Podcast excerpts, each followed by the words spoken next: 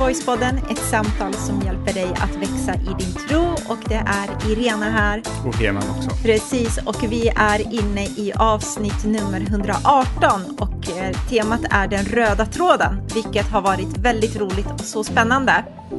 Eh, och nu så är vi ganska nära slutet. Mm. Det är inte mycket kvar. Det är vi och det här avsnittet handlar om kungarna. Eh, Vi har pratat om eh, mycket, vi är liksom kvar i gamla testamentet, vi har i princip gått igenom eh, första till femte Moseboken eh, och eh, nu är vi på väg in liksom att prata om domarböckerna och Samuelsböckerna och så vidare. Vi kommer ju inte gå in i jättedetalj i de här, men lite så här eh, övergripande tankar för att det är det som är poängen med det här temat, att man ska få en överblick över alla de här händelserna och hur det hänger ihop. Eh, och eh, så i, i det här avsnittet så kommer vi som sagt prata om kungarna. Eh, och hittills så har vi pratat om eh, Guds folk som har fått det här löftet om att de ska komma in i ett, ett löftesland i kanan. Och efter mycket om och men, en berg och dalbana, så har de till slut kommit dit. Ja. Eh, och en av de sakerna som Gud eh, eh, säger här, det är just det här att när ni kommer till det här landet, så ta inte efter deras seder och deras vänjor och så vidare. Och det är inte för att Gud är rasist, liksom, utan här handlar det om att det här var ett inte så trevligt folk. De var brutala, de var våldsamma, de behandlade varandra dåligt, hade ganska så våldsamma ritualer också. Eh, och därför så säger Gud att "Mm, nu vill jag inte att ni blir som dem i princip. Det är ungefär eh, det han säger. Eh, men det går ganska fort innan de faktiskt börjar ta efter lite seder och så vidare. Och Ja. de här människorna börjar se sig om och tänka att, nej men hallå, alla människor har eh, kungar. Liksom, all, alla länder har eh, kungar, men vi har ingen kung. Eh, för dem så var ju eh, Gud kungen. Liksom. Eh, och, och så tänker de, men alla andra har en kung, vi vill också ha en kung. Vi vill inte vara sämre än alla andra folken. Ja, men precis. Eh. Och jag tycker det är så intressant för att Jos- Josua säger det där till dem att ni ska vara Ja, men fortsatt liksom eh, gå i linje med det som ni har sagt ja till innan, det vill säga att följa Gud, lyssna till honom, leva ett liv tillsammans med honom, så är ju hans liksom hjärta som ledare också där, att han tänker nu kommer det fortsätta även när vi nu, speciellt nu, faktiskt när vi intar löfteslandet. Eh, och precis som du säger så går det väldigt fort, ser vi här i den här storyn, att de blir snabbt påverkade av hur andra människor har det runt omkring dem. Och man kan ju tycka lite så här, jag vet inte hur du resonerar hemma, men ibland kan man ju bli lite så här, ja men så hade inte jag gjort. Liksom du vet när man läser eh, saker i Bibeln och bara, men varför tog de det beslutet? Eller, ja men oj vad lätt påverkade de är av deras samtid.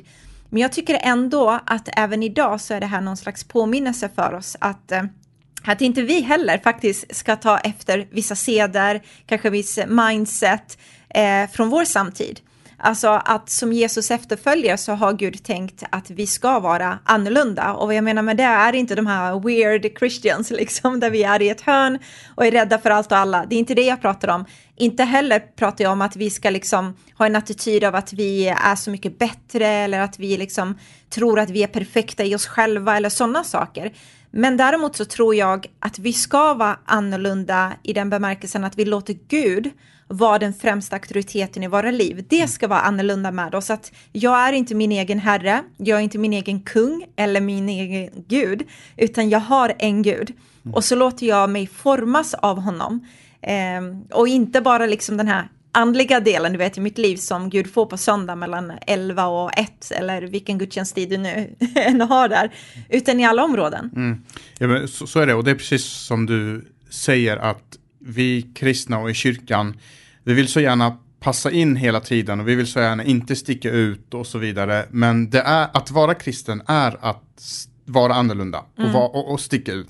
Men inte på det här som, som du säger, eh, på ett skumt sätt eller märkligt sätt, utan på det sättet att umgås jag med universums skapare, eh, låter jag mig påverkas av honom, eh, har jag ett mindset av att jag vill bli mer och mer lik Jesus, då kommer det förhoppningsvis visa sig på ett eller ett annat sätt. Ja. Eh, och, och, och det är på det sättet vi liksom, så, så vi behöver inte sträva efter att vi ska vara så, så lika alla andra eh, hela tiden. Mm. Eh, och att, att det blir liksom ett, ett slags eh, mål i sig. Ja, Eh. eh, precis. Men jag, jag håller med dig i det, för att tittar vi på historien hittills, när vi har följt alla dessa avsnitt, så ser man att Guds folk har varit annorlunda. Alltså de har följt Gud, de har varit med om mirakler, när andra har sagt vänster så har Gud sagt gå höger så gör Gud saker där, eh, vilket är ganska häftigt.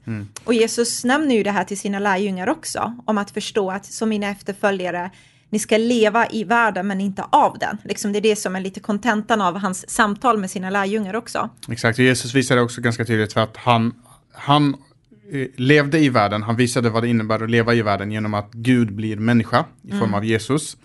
Eh, men han lät sig inte, han, han liksom, den här världen blev inte hans mat. Det var inte därifrån han hämtade sin energi, det var inte därifrån han hämtade sina värderingar, han hämtade eh, eh, liksom sitt perspektiv och så vidare. Utan, utan han hade det inom sig själv, så han levde av världen, eh, eller levde i världen men inte, inte av den.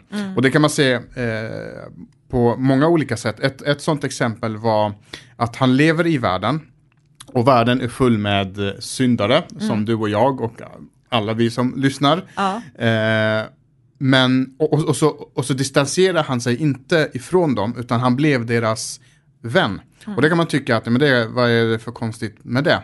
Eh, jo, men på den här tiden så, så gjorde man inte det. Utan antingen så var du en, eh, försökte du spela perfekt och så umgicks du bara med de perfekta och hängde med dem.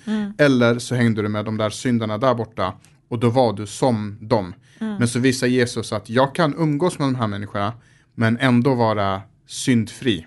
Han distanserade sig inte ifrån dem, men han sa inte heller att det ni gör är rätt och det är är helt okej. Och ett tydligt exempel är till exempel när han möter den här kvinnan som eh, hade begått äktenskapsbrott och folk var beredda att stena henne och så säger han den som är utan synd kastar första stenen.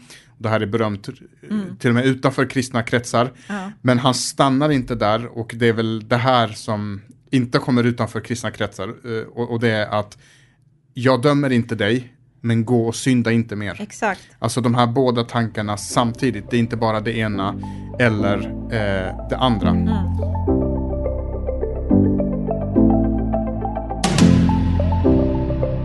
Och Irena, vi vet ju att det finns ju bara en kung, eller hur? Exakt. Absolut. ja, jag har varit så här, är det här en kuggfråga? Ja, men det finns bara en enda kung. Zlatan. Jaha, nej. jag tänkte så här, nu ska jag lägga ut det, men Jesus vill han komma fram till den punkt, poängen Jag redan gjorde nu? en sån här konstpaus, Ja. tänkte jag ge henne chansen att, jag fattar inte. att svara nu. Nej, det finns Nej. bara en kung. Eh, men ah, det, Och det är Jesus, det är Jesus. ska vi förtydliga. Ja, men det som är intressant med det här är att eh, Gud vet om att folket, de kommer vilja ha en kung, alltså som det övriga folket. Och det är lite så att han liksom förbereder, eh, förbereder sig på detta, eller förbereder folket för detta. För när Jakob, när han skulle välsigna sin son Juda innan han dör, så säger han till honom att en av hans ättlingar kommer att regera över alla nationer för evigt. Det så finns det den här profetian, förutsägelsen kring detta om den här kungen som är kungars kung liksom. Men sen så står det också där i, i den här dialogen när, eh, när man ska komma in i löfteslandet, hur man, att man kommer resonera i att man också vill ha den här kungen som folket runt, runt omkring en har. Och i femte Moseboken kapitel 17 och från vers 14 till 20 så kan vi titta på den här händelsen. Eh, då är det Jakob som säger så här, när du kommer in i det land som Herren din Gud ska ge dig och du har intagit det och börjar tänka, vi borde ha en kung som folken runt omkring oss. Då ska du se till att välja ut en kung som Herren din Gud utser. Så lite så här, han vet om att okej, ni kommer in i löfteslandet, ni kommer titta runt omkring, ni kommer vilja ha det de andra har, ni kommer säga de andra har kung, ja men vi vill också ha det. När ni har kommit till den insikten, då ska ni göra så här. Och det, och det här är ganska eh, häftigt. Och man, man skulle kunna likna det vid eh, typ en förälder och ett barn. Och eh, typ ett barn, eh, eller en förälder så här. Nu eh, lilla Olle, så du, du förstår liksom inte hur det är eh, att vara förälder och så här. Men när du blir vuxen då kommer du förstå. Men anledningen till att vi kan säga så till ett barn det är för att vi har erfarit det här. Vi har varit med om det och därför så kan vi säga till det här barnet att när du växer upp då kommer du få vara med om det här. Jo men du vet när du blir kär för första gången då kommer det vara så här och så här. Men i det här fallet så hade, hade ju aldrig hänt tidigare. Det har aldrig hänt tidigare att ett helt folk blir befriad från slaveri, Mm. de intar ett nytt land, eh, de har ingen kung. Alltså det är så många detaljer, men, men så visar Gud här att jag är utanför tid och rum och jag vet vad som kommer hända i framtiden och jag vet hur era hjärtan kommer bli. Och när det händer, då vill jag att ni är förberedda på det. Precis, och det är då han säger det här att okej, då ska du se till att välja ut den här kung som Herren din Gud utser. Han måste vara en av dina landsmän, inte en utlänning som inte är din broder. Han får inte skaffa sig allt för många hästar eller skicka sina män till Egypten för att skaffa fler därifrån. För Herren har sagt till er, återvänd aldrig mer den vägen igen. Han får inte heller ha flera hustrur, för det kan locka honom till avfall. Han får inte samla på sig en förmögenhet av silver och guld. Så det är lite instruktionen där. Och sen vers 18. När kungen har bestigit sin tron, nu när han har liksom klivit in här, så ska han låta någon skriva en kopia av denna lag som finns i en tavla hos de levitiska prästerna. Lyssna här. Han ska ha den hos sig och läsa i den varje dag av sitt liv så att han lär sig att frukta Herren sin Gud och noga följa allt som står i denna lag, alla dessa stadgar. Detta ska hindra honom från att anse sig vara bättre än sina bröder och han ska alltid följa lagen utan att vika från den åt något håll. Han och hans söner ska då regera länge i Israel. Eh, så om man läser den här händelsen så kan man ju läsa det utifrån att man bara liksom bara, okej, okej, men här får de instruktioner, kungen ska vara på det här sättet. Men jag tycker det är ganska häftigt i hur Bibeln är aktuell även i vår personliga liv och i, liksom när jag läser det här så var det så här, wow, det här är så häftigt. Just att den här kungen, han ska vara en kung som håller sig nära Gud. Alltså han ska ha en kung som faktiskt lyssnar till, han ska vara en kung som lyssnar till Guds ord. Han vill liksom frukta Gud, han vill följa Gud, han vill följa det som Gud säger. Och så står det att det här, när han gör det här, så kommer det hindra honom från att anse sig vara bättre än sina bröder. Och då tänkte jag så här, oh, det där är så bra för ens personliga liv också. Alltså det, det, det skulle kunna, han skulle kunna säga att, den här kungen måste eh, vara nära mig, han måste läsa mitt ord och ha- han, Ja. liksom alla de här sakerna. För att han ska kunna bli en mäktig kung, för att han ska Exakt. kunna eh, liksom vara vis, alla de här sakerna. Men istället för det så säger Gud att han ska göra det här och leva nära mig för att han inte ska tro att han är något, mer, Ja. mer eller mindre. Han ska inte tro att han är ödmjuk. hålla, liksom. hålla honom ödmjuk och inte tro att han är för mer än, än andra människor. Mm. Eh, och, och det här är eh, också väldigt intressant utifrån liksom vårt perspektiv idag. Det finns ju så här, kristen, kristenheten kan vara lite uppdelad i olika läger, liksom. De, Mm. som, de som läser mycket Bibeln och de som vill liksom vara så här, eh, vad heter det, bokstavstroende Ja. och de som kanske inte li- lika mycket. Och så tänker man lite så här att ju mer jag läser Bibeln, desto mer dömande jag blir som kristen för att då vet jag vad som är rätt och fel och jag kan peka på andra och säga och så vidare. Och, och jag ska bara vara tydlig med att jag tror att det finns rätt och fel och att vi ska hjälpa varandra att leva så rätt som vi bara kan. Det känns bara som Ja. helt självklart. Exakt. Men den här texten visar att den här kungen skulle läsa Guds ord så pass mycket och leva nära Gud så pass mycket för att inte bli dömande, för att inte bli eh, tro sig vara för mer än, än andra. Ja. Så jag tror ju att ju mer jag läser Bibeln, ju mer jag håller mig nära Gud, desto inte mer dömande jag blir, utan snarare tvärtom. Jag blir inte högmodig, utan tvärtom. Jag blir mer ödmjuk, för jag tänker Gud, förbarma dig över mig. Det är Absolut. så mycket saker i mitt liv som du har nåd med. Eh, och jag säger inte att, liksom, än en gång, jag säger inte som att, och därför så ska jag fortsätta vara så. Jag vill hela tiden vara bättre, men under tiden jag har den här pågående processen så har Gud så otroligt mycket nåd med mig att, och trots det så får jag ändå vara med på tåget. Eh, så, så att läsa Bibeln mycket ska inte få oss att exkludera människor. Nej, ni får Exakt. inte vara med för att ni är eh, eh, dumma och, och, och så vidare. Mm. Utan snarare tvärtom, kom. Kom och var nära Jesus, kom och var nära den heliga ande. Låt oss transformeras av honom, låt, oss, Mm. låt, låt er formas av honom. För att det blir ju lite så här konstigt och lite märkligt. Typ så här, vi vill att människor ska förändras. Men ni får inte komma för nära den kraften som kan förändra. Mm. Så håll er borta tills ni har förändrats av egen kraft. Sen är ni välkomna. Un- Ungefär Ja, det blir helt galet. så, så kan det låta. Ja, och jag, jag älskar att det står så. Jag håller med dig verkligen i det. För att någonstans är vi med Gud. Och jag pratar från mitt eget liv att när jag tar stund med Jesus, när jag verkligen lyssnar till hans ord och bibeln, och, så händer det någonting i mitt hjärta att jag blir på riktigt ödmjuk i den, alltså vad jag menar med det är, jag blir verkligen ödmjuk mm. kan man säga så, men vad jag menar med det är att jag blir verkligen så här förkrossad på insidan, precis som du säger, för att jag inser, Gud, jag fattar inte att du är så stor, du är så helig, du är så mäktig, du är utanför tid och rum, allt det där och ändå så väljer du mig och ändå så vill du vara nära mig och ändå har du förlåtit mig. Du har gjort att jag står rätt till med dig. Du har sagt att du har förlåtit mig alla mina synder. Det finns inte längre liksom någonting som kan stå i vägen. Allt det där gör att jag ser inte på min broder eller min syster med ett öga som är så här, oj, du borde verkligen, utan det är snarare så att livet med Gud hindrar mig från att anse, anse mig vara bättre mm. än min broder eller min syster. Mm. Eh, så, så det är ganska häftigt faktiskt och då får man den här attityden av att alla ska med på tåget. Mm. Vem du än är, hur du än ser ut, alla ska med på tåget. Och när vi då är på tåget, då finns det en förare, hans namn är Jesus och han är den som tar hand om sina passagerare och förvandlar våra liv bit för bit, dag för dag. Exakt, exakt, jättebra. Eh, och, och, det var precis eh, så eh, Gud hade tänkt. Vi har pratat liksom om det här med att, eh, att eh, en stor del av den röda tråden är just det här med Guds rike. Mm. Och ett rike regeras ju av en kung. Mm. Men de här människorna, eh, Gud visste att de här människorna kommer vilja ha en mänsklig kung, en fysisk kung, trots att Gud mycket väl skulle kunna spela den rollen. Men då tänkte, så här, då tänkte Gud så här att när ni begär om en kung, då måste det vara en kung som ska vara avskild för eh, Gud. Han ska underordna sig Gud och Guds eh, lagar. Eh, och hela den här grejen är liksom en del av löftet om löfteslandet. Så det här mm. är liksom inte bara något nytt påfund eller något nytt eh, eh, påhitt. Men, men samtidigt så ska det vara en, en kung under Guds styre ja. och välsignelse.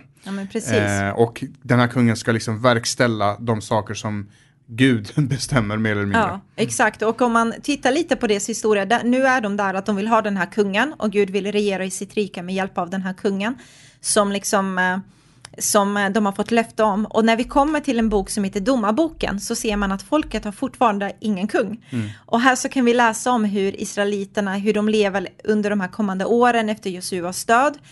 Och än en gång så är det lite så här jobbig läsning för att man ser att de lyssnar inte till eh, varken Mose eller Josuas varningar, de har kommit in i löfteslandet där och det är samma psyke som upprepas gång på gång, att de vänder sig bort från Gud och så känner de andra gudar, de tar seder efter det folket som de liksom eh, lever bland och Gud reagerar mm. genom att faktiskt döma dem och så låter han dem besegras av sina fiender. Och vad som händer där är att de inser, åh nej, Guds hand är inte här över oss. De vänder sig till Gud, ber om hjälp. Och han svarar dem genom att låta en domare uppstå. Och det är där vi är just nu. Mm. Och så vänder de sig bort från Gud och sen uppstår en ny domare. Och det är det som är lite så här storyn. Och det är därför det domar, domar, domarboken. Precis. Eh, så är det. Och, och grejen är att när man läser domarboken så ser man alla dessa olika ledare eller domare. Mm. Och de dyker upp i storyn och så ser man så här, Gud har än en gång visat på Guds nåd. Alltså än en gång, även om vi är i gamla testamentet så ser man hur Gud visar på det gentemot sitt folk. Eh, och jag, jag, har ju aldrig gått söndagsskola, det har inte du heller. Eh, men jag har hört om att det är så att man liksom tar alla dessa, eh, alla dessa hjältar och du vet om man liksom pratar om dem på ett förskönat sätt. Mm. Uh, typ man de, pratar de om het, Gideon. De heter ju tronshjältar uh, ja. också och, och, alla de finns listade också i Hebreerbrevet. Ja, med all uh, rätt alltså. 11 eller något Med all rätt. Ja. Eh, så, men ibland kan man ju få den här gulliga förskönade bilden av typ Gideon som var så här modig och, eller Simpson med det här långa håret. Mm. Men tittar man hur det var så var så här, Gideon han hade världens sämsta självbild och självkänsla. Så han fick ju och han liksom var lite skeptisk och ifrågasatte om Gud verkligen kunde hålla sitt ord. Mm. Sen Simpson hade definitivt problem med kvinnor. Jefta, här var det helt sjukt, han, han dödade sin egen dotter för att uppfylla ett löfte. Och jag tror att man missar lite poängen med dessa personligheter eller personer genom att bara göra dem till stora hjältar utan att fatta vad är det för folk liksom Gud har använt. Mm. Vilka verktyg har Gud fått liksom jobba med för att föra fram eh, sitt budskap eller sin vilja. Precis, och varför de kallas för tronshjältar är ju för att de var hjältar genom att de trodde. Ja, Alltså inte genom Bra att de var poäng. duktiga i sig själva eller, Eller starka eller Mm. mäktiga eller visa eller något sånt där. Utan de satte sin tro till, till Gud. Mm. Eh, och det var det som liksom eh, gav eh, dem eh, eh, det här. Jo men så är det. Och jag tänker också typ när man än en gång tillbaka till domarboken, när man läser den så hela domarboken antyder att allt skulle vara så mycket bättre om bara en kung kom. mm, Alltså det står typ tre eller fyra gånger i domarboken så här att på den tiden hade Israel ingen kung utan var och en gjorde som han ville. just det. Eh, och då tänker jag att eh, det där är inte bara något som händer då, utan det är lite påminner om våran samtid också. Ja, det här är så aktuellt just nu. Nu har vi fått en riktig kung och det är som sagt inte Zlatan utan det är Nej. Jesus Kristus som är eh, våran kung. Men om jag lever mitt liv som att jag inte har en kung, då kommer jag göra som jag vill. Eh, och eh, nu i söndags i, i vår kyrka så hade vi eh, Simon Holst på besök som, som predikade och då pratade han just om det här om att eh, olika generationer har på olika sätt utan Gud försökt liksom hitta sin mening och så vidare. Och, och en generation till exempel, eh, för dem var det vä- väldigt viktigt, den, den frihetssökande generationen. Som egentligen tänkte att bara vi får göra, om vi får göra precis vad jag, vad, vad jag vill, eh, då är det frihet. Eh, men det visar sig att det inte alls förhöll sig på det sättet. För att nu när jag gör vad jag vill så går jag vilse. Det blir en Ja. väldigt stor press på att jag ska veta och ta alla de här besluten hela tiden. Det finns inga riktlinjer. Och istället för att bli fri så blir man bunden under en massa olika eh, saker. Precis. Vare sig det är liksom eh, karriär eller köpbeteende, alkohol, Identitet pornografi, och allt vad identi- det är. ja, alla de här sakerna. Så blir jag, istället för att känna mig fri, jag får göra vad jag vill, men det ledde mig inte till en frihet, utan det ledde mig ännu mer till, till bundenhet. Ja, Eh. exakt. Och det är lite det som eh, man ser i den här storyn också, att var en gjorde som man ville och till slut så kommer en kung in i bilden. Eh, och den kungen som man kan läsa om här är Saul, som är ganska känd kung i Gamla Testamentet. Och trots att deras liksom motiv till att vilja ha en kung är felaktig, alltså de vill inte ha en kung för att de vill att Gud ska regera med den här kungen, utan de vill ha en kung för att vara lika någon annan. Eh, så ger Gud dem vad de ber om. Saul väljs till kung. Men vad som händer är att folket upplever inte den här välsignelsen och, och friheten så som du pratar om Heman under kungens regeringstid eftersom han är en kung som ständigt går emot Gud. Eh, och man, vi kan inte gå in på det nu för att det är bara han kräver ju många avsnitt i sig självt men resultatet av det här så ser man att Gud liksom sätter sin dom mot eh, Saul och så skickar han en profet, Samuel, och så säger han till honom eftersom du har förkastat Guds ord så har Gud förkastat dig som kung i princip. Ouch. Ja, är den är tuff. illa. Alltså. Du har inte skött ditt jobb liksom. Någon annan kommer och väntar på din tur. Eh, och någon annan som väntar på hans tur är David. Och det som är intressant med David är att David verkade eh, samtidigt som Saul. Alltså David var eh, musikern som liksom spelade de här låtarna och Saul typ fick lugn och ro och i hans liksom ångest och stress och allt det här så kände han liksom att det kom en frid och lugnhet när, eh, när David spelade. Och samtidigt som han gjorde det, att han var i kungapalatsen och tjänade på det sättet, så var han samtidigt en herdapojke och tog hand om fars får och liksom drömde om någonting som Gud hade lagt över hans liv. Eh, och det här är jättespännande att se den här parallella liksom eh, tidslinjen, eller vad säger man, pa- parallella tiden som Saul och David har. Exakt, de, de levde eh, samtidigt och, eh, och David är ju på många sätt en, en bild på den riktiga kungen som kommer och det är ju eh, Jesus.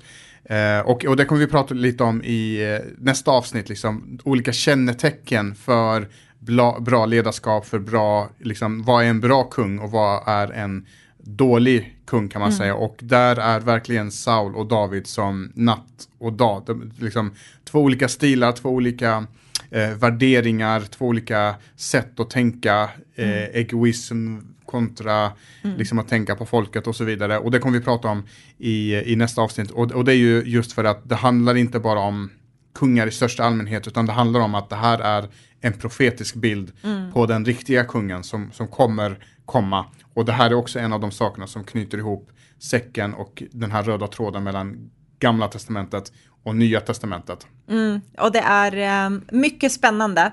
Så till nästa avsnitt då kommer vi plocka fram lite principer som vi faktiskt kan ta lärdomar av från både Saul och Davids liv. Eh, och sen så, precis som du säger, så kommer vi få den här ännu en gång aha-upplevelsen från Gamla Testamentet som pekar mot det Nya Testamentet om Jesus som är kungars kung. Så det blir spännande och bra. Jag hoppas att du som lyssnar känner att du har fått med dig något. Eh, och eh, tack för att du lyssnar. Och så um, återkommer vi om någon vecka igen va? Mm, det gör vi. Ha det så bra. bäst. Hej då.